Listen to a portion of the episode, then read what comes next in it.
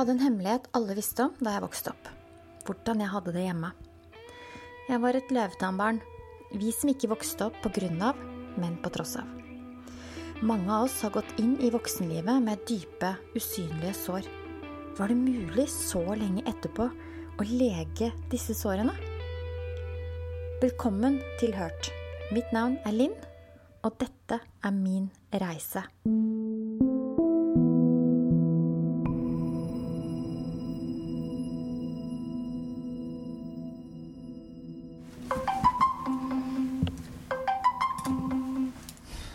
Jeg er, jeg er så spent.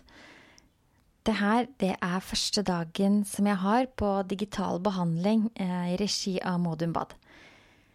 Jeg lukka meg inne på soverommet foran laptopen. I første etasje så har eh, lærermannen min og tenåringene de har hjemmeskole. Lyden av tre klasserom er svakt i bakgrunnen når det plinger på datamaskinen. I andre enden av linja venter min terapeut for de neste sju ukene. Alle sier jeg har vært kjempeheldig. Det var visst ikke det letteste å hjelpe oss med røffe oppvekster. Vi hadde blitt preget negativt mens vi var unge og formbare, og for mange av oss så hadde det vonde vi ble utsatt for, satt seg djupt i sjela. Jeg hadde vært så heldig å få en av de i Norge med lengst erfaring og kompetanse på området professor i psykologi ved Universitetet i Oslo og seniorforsker og mangeårig behandler ved Modum Bad, Asle Hoffart. Jeg trykker på 'motta samtale' på PC-en. Hei! Hei. Hei, Asle. Bare Hei, still. ja. Der, der hører jeg deg. Ja, kjempefint. Jeg har litt lite volum sånn naturlig, vet du. Asle forteller meg litt om en av de skadene man kan få når man vokser opp som løvetannbarn, og som han skal forsøke å gi meg behandling for. Ja, det er for eh, PTSD, altså posttraumatisk stresslidelse, som er eh, noen eh, symptomer som oppstår etter, i etterkant av at han har vært utsatt for traumatiske erfaringer. Og PTSD er sånn at det som særlig opprett gjør at uh, symptomene fortsetter etter at episoden eller det en ble utsatt for, går, uh, utsatt for, går over, det er at uh, traumehukommelsen fungerer på annen måte enn vanlig. Sånn at uh, de kommer tilbake uten at den vil det. Så I form av påtrengende minner og gjenopplevelser og flashbacks. Der den gjenopplever alle følelsene var knytta til situasjonen. I brevet jeg hadde fått fra Modum Bad, sto det at eh, terapien bygget på det som på engelsk het prolonged exposure, eller forlenget eksponering på norsk. Det var en terapiform utvikla av den israelske professoren i psykologi, Edna Foa. Tanken bak er jo at jo flere ganger man utsetter seg sjøl for vonde minner, desto mer mister de sin kraft. Det var litt som de folka som var redd for slanger, og som sakte, men sikkert utsatte seg sjøl for kontakt. Til slutt så gikk de jo rundt med en kvelerslange på skuldrene som om det var det mest naturlige ting i hele verden å gjøre. Var det mulig å gjøre noe sånt med de tinga jeg sleit med òg? Ved siden av terapi med Asle to ganger i uka, vil jeg også få samtaler på telefon med sykepleier.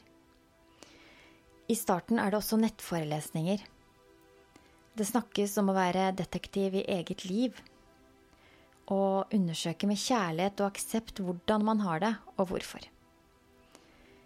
Det understrekes at det ikke er situasjonen i seg sjøl som er problemet, men hvordan man i lys av den feillæringen man vokste opp med, tolker den. Hvilket liv vil du vel se tilbake på? var et av spørsmålene som en av foreleserne stilte.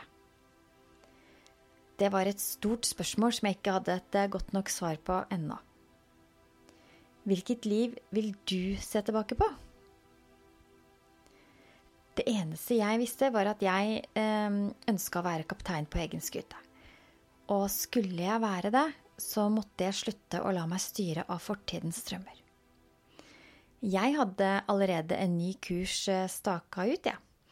Den siste tida så hadde jeg søkt på fem nye stillinger. En av dem hadde jeg allerede vært på nettintervju hos. Det var perfekt timing. Først sju uker med intensiv terapi, så sommerferie, og så forhåpentligvis ny jobb. Jeg kjente på en frydefull forhåpningsfullhet.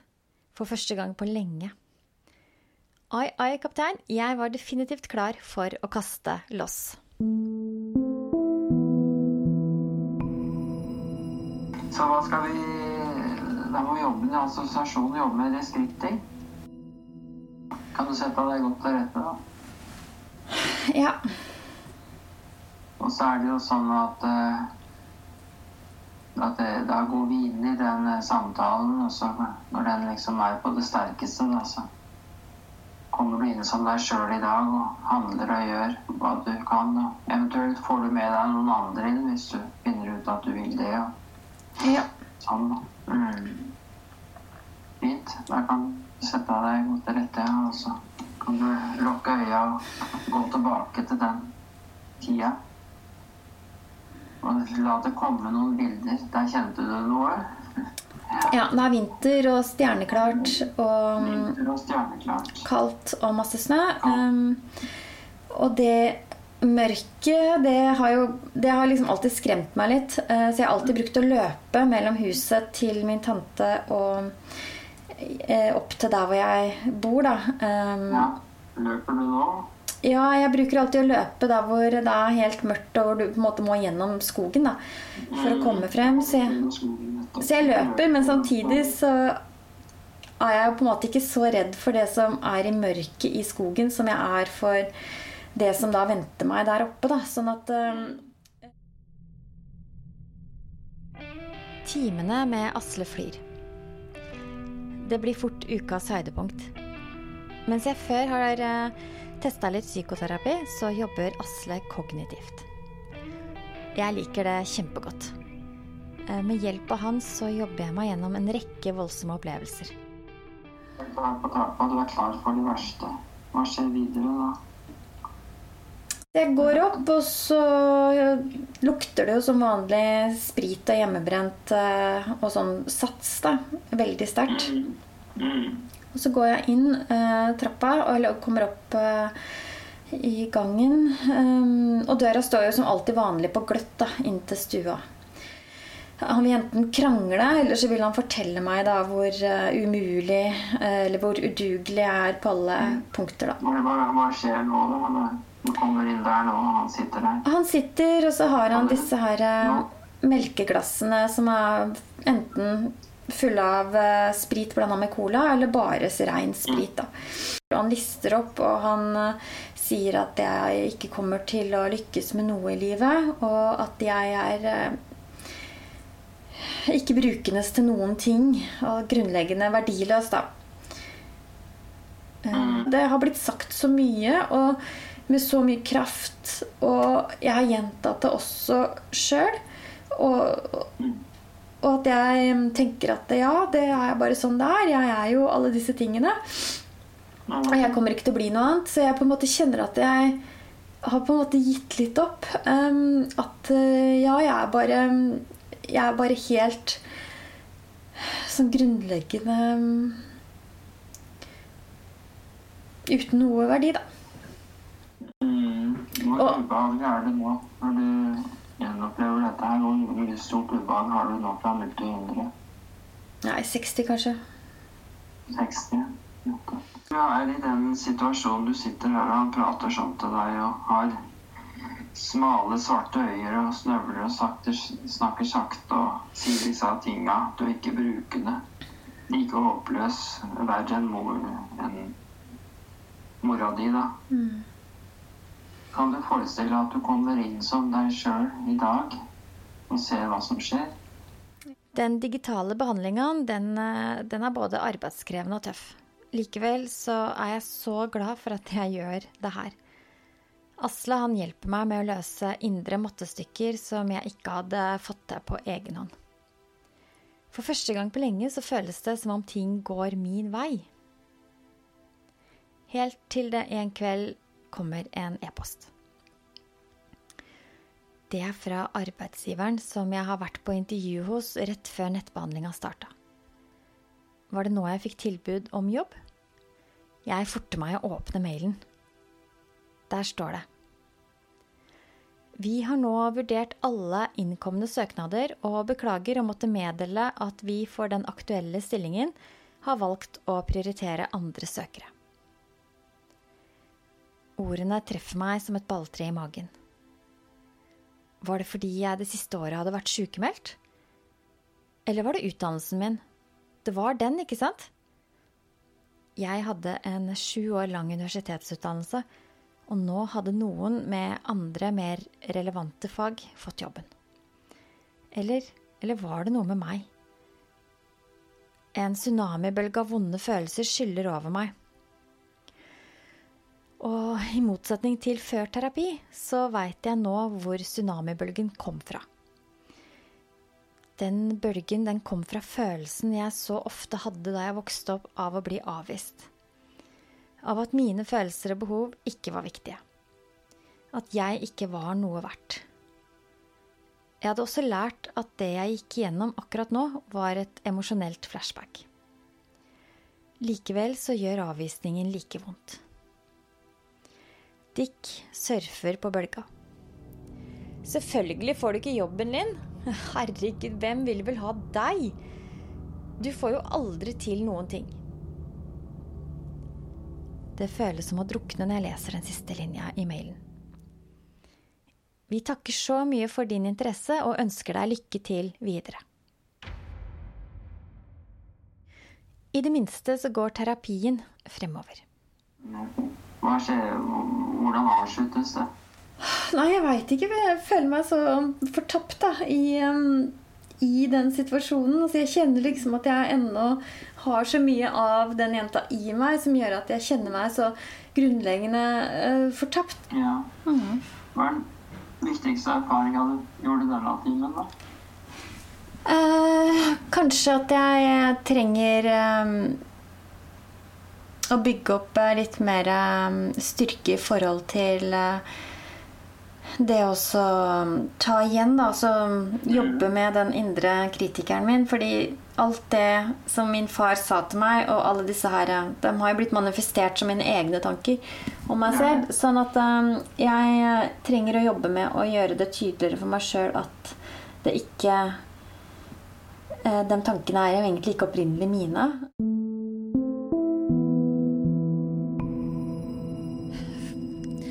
Fortida, den eh, tar alt fokus. Jeg brenner middagen i kjelene, glemmer å låse døra. Er på butikken uten å huske hvorfor jeg dro dit.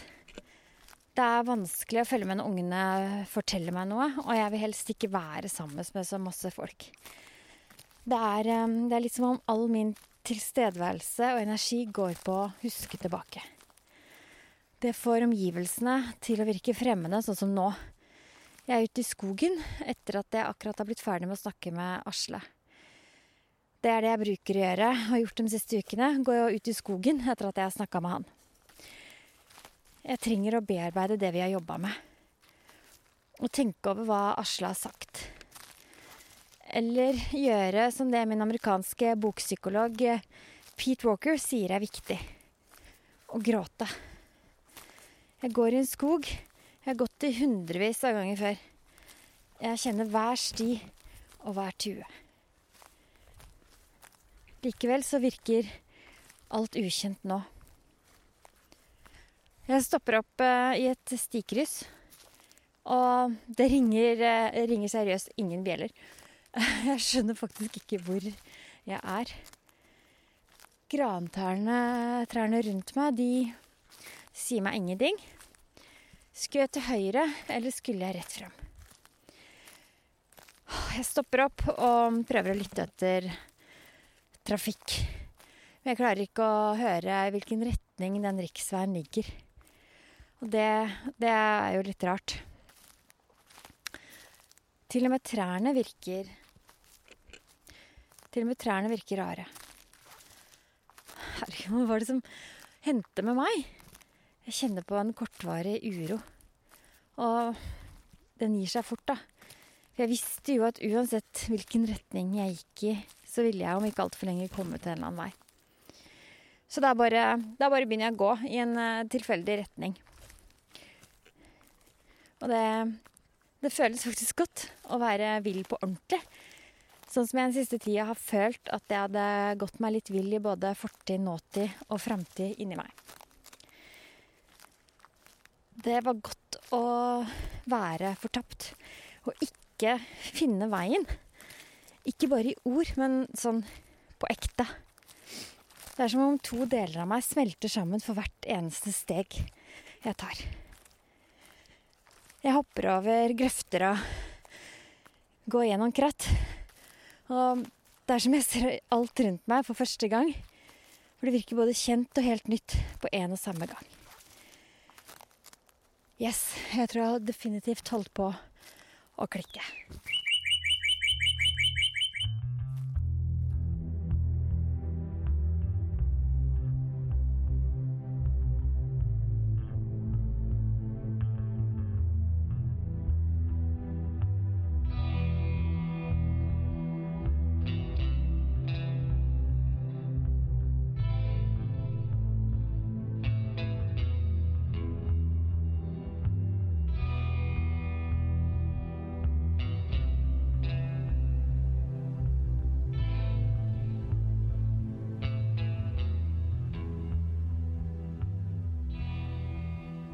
Har jeg også litt sånn eh, blanda følelser med at det her Det er jo bare en uke igjen, og så er jeg ferdig. Um, jeg syns også det er litt vanskelig, da. Ja, skjønner. Ja.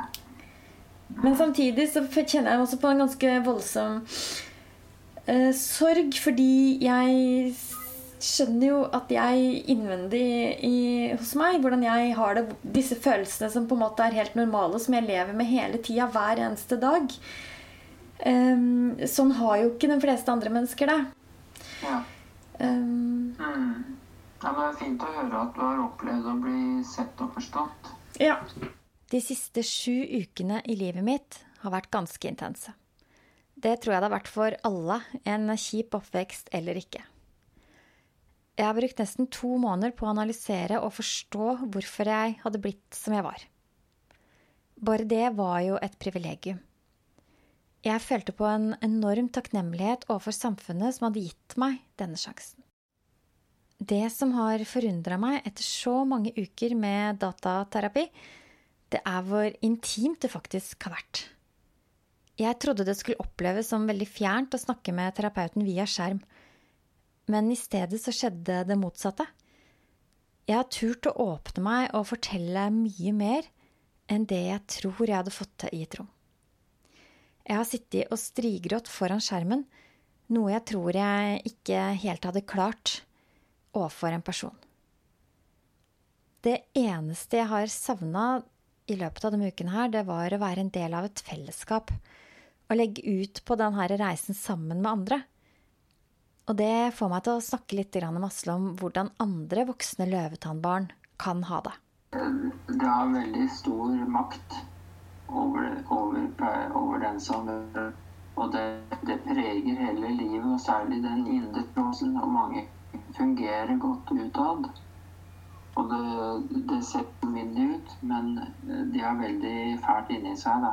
Mm. Og dette er noe som som ikke går over, og som en føler en særlig hjelpeløs i forhold til som skaper tanke på at det er noe gærent med en sjøl, fordi en har disse symptomene. For at en har disse symptomene og blir ferdig med det, som en tenker. Mm. Og dermed så tenker en at det er noe, det er noe galt.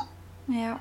Mm. Og, for, og, det forsterker det negative sjølbildet som en allerede har fått gjennom traumeerfaringen. Ja. Det er blitt påført gjennom traumeerfaringen. Det kjenner jeg meg veldig godt igjen i. Um, jeg leste at rundt en tredjedel voksne løvetannbarn klarer seg greit videre i livet, da, mens to tredjedeler ikke gjør det. Hva, har du noen tanker om det her? Hvorfor det er sånn? Jeg har sett uh, noe. Når du spør, så har jeg et par tanker. Mm. Det er kanskje mye hvordan en Michelangelo hadde til å forholde seg til traumer F.eks. i noens tilfelle så kan de eh, være sterk og motsette seg overgriper. det kan være én ting hvis en tross for at en var i en svakere posisjon selvfølgelig som barn, og sånn, men klarte også likevel motsette seg den overgriper. Og det at en kjempa sånn mot, da, sånn at en i ettertid er fornøyd med seg sjøl. Det kan være noe. Mm. Og så en annen ting er at en er en på den måten at en sier fra om ting som er kritikkverdig, da, også når det gjelder sånn psykologisk psykologisk overgrep. da, Emosjonell mishandling, kan man si. Mm. Der en eh, oppfører seg negativt i forhold til ungen og er nedvurderende og, og latterliggjørende og, og sånne ting. Ja. At en klarer å si fra mot det underveis, det kan hende at det er noe som hjelper ja. følelsen. Mm. Sånn, selv om det ikke alltid lønner seg. Da blir jo lønner seg akkurat der og da, for da blir jo eh, mishandlinga gjerne verre. Eh, da jeg begynte behandlinga, så var jeg veldig redd for at ikke jeg huska nok til at den skulle på en måte bli effektiv. Mm. Og hvorfor er det da sånn at man ikke husker alt ved traumer fra oppveksten? Eh, det har jo med at det er så, så fælt at en prøver på alle måter å legge det bak seg, og så lykkes en jo i det, da. Og så er det noen også kanskje ikke var eh, Det ene er at en dissosierer under eh, traumeopplevelsen og skyver det unna. Jeg ser rundt meg. Rommet jeg har jobba i, er et fullstendig kaos. Jeg tråkker over fagbøker som ligger oppslått med rosa og gule tusjstreker i seg. Jeg plukker opp notatboka mi. Blar gjennom tegninger, dagboknotater og en sirkel som viser hvordan mange av oss med vanskelige oppvekster er fanga i en sirkel av triggere, unngåelser, emosjonelle flashback, depresjoner og tilbaketrekking. Jeg blar meg fram til start. Jeg ler litt når jeg ser hvor, hvor naiv jeg var for sju uker sia. Da jeg trodde at eh, disse ukene skulle bli en eh, slags innvendig oppussing. Sånn ut med de gamle, stygge, ødelagte møblene og inn med de nye. Eller som Asle sa til meg, at vi skulle rydde i klesskapet. Det føltes litt som når man tok på seg et oppussingsprosjekt og begynte å rive og oppdaga at sjølve bærebjelkene i huset faktisk var råtne og måtte byttes. Dick er her igjen. I starten av behandlingen så var han ofte stille, og en liten stund så håpte jeg at han hadde forsvunnet for godt. Så feil kan man ta. Da det tredje avslaget på jobb dukker opp på mail, er han back in business. Er du virkelig så dum at du trodde du kunne bli kvitt meg? Han vagler seg til på skuldra mi igjen. Jeg overmannes av en følelse av mislykkethet. Var alle ukene med hardt arbeid forgjeves? Det føles som jeg har svikta. Ikke bare meg sjøl, men Asle også. Jeg burde jo føle meg glad nå, ikke sant? Letta. I stedet så føler jeg meg bare merkelig tung i kroppen, nesten som jeg er i ferd med å bli lamma av sorg. Jeg logger meg på siste terapitime med Asle. Ja, men takk skal du ha for det. Og så får du ha god sommer, du òg. Takk, Asle. Du også får god sommer. Ok? Takk for meg. Ha det. Ha det. Ha det. Ha det. Jeg logger meg av for siste gang. Nå er resten opp til meg.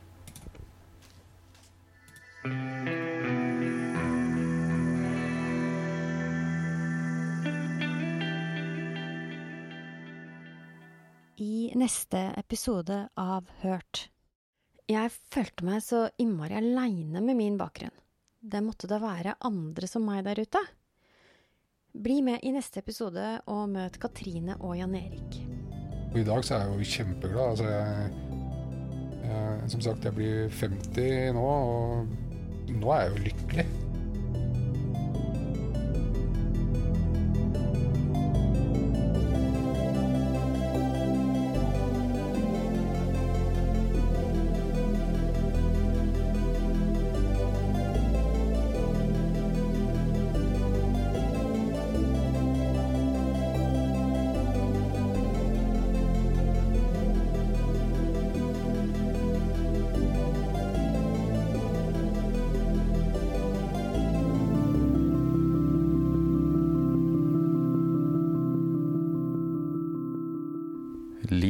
Og del hørt. Følg oss på Instagram, på Lovetannstemmer og på nettet på lovetannstemmer.no. Takk for at du lytter.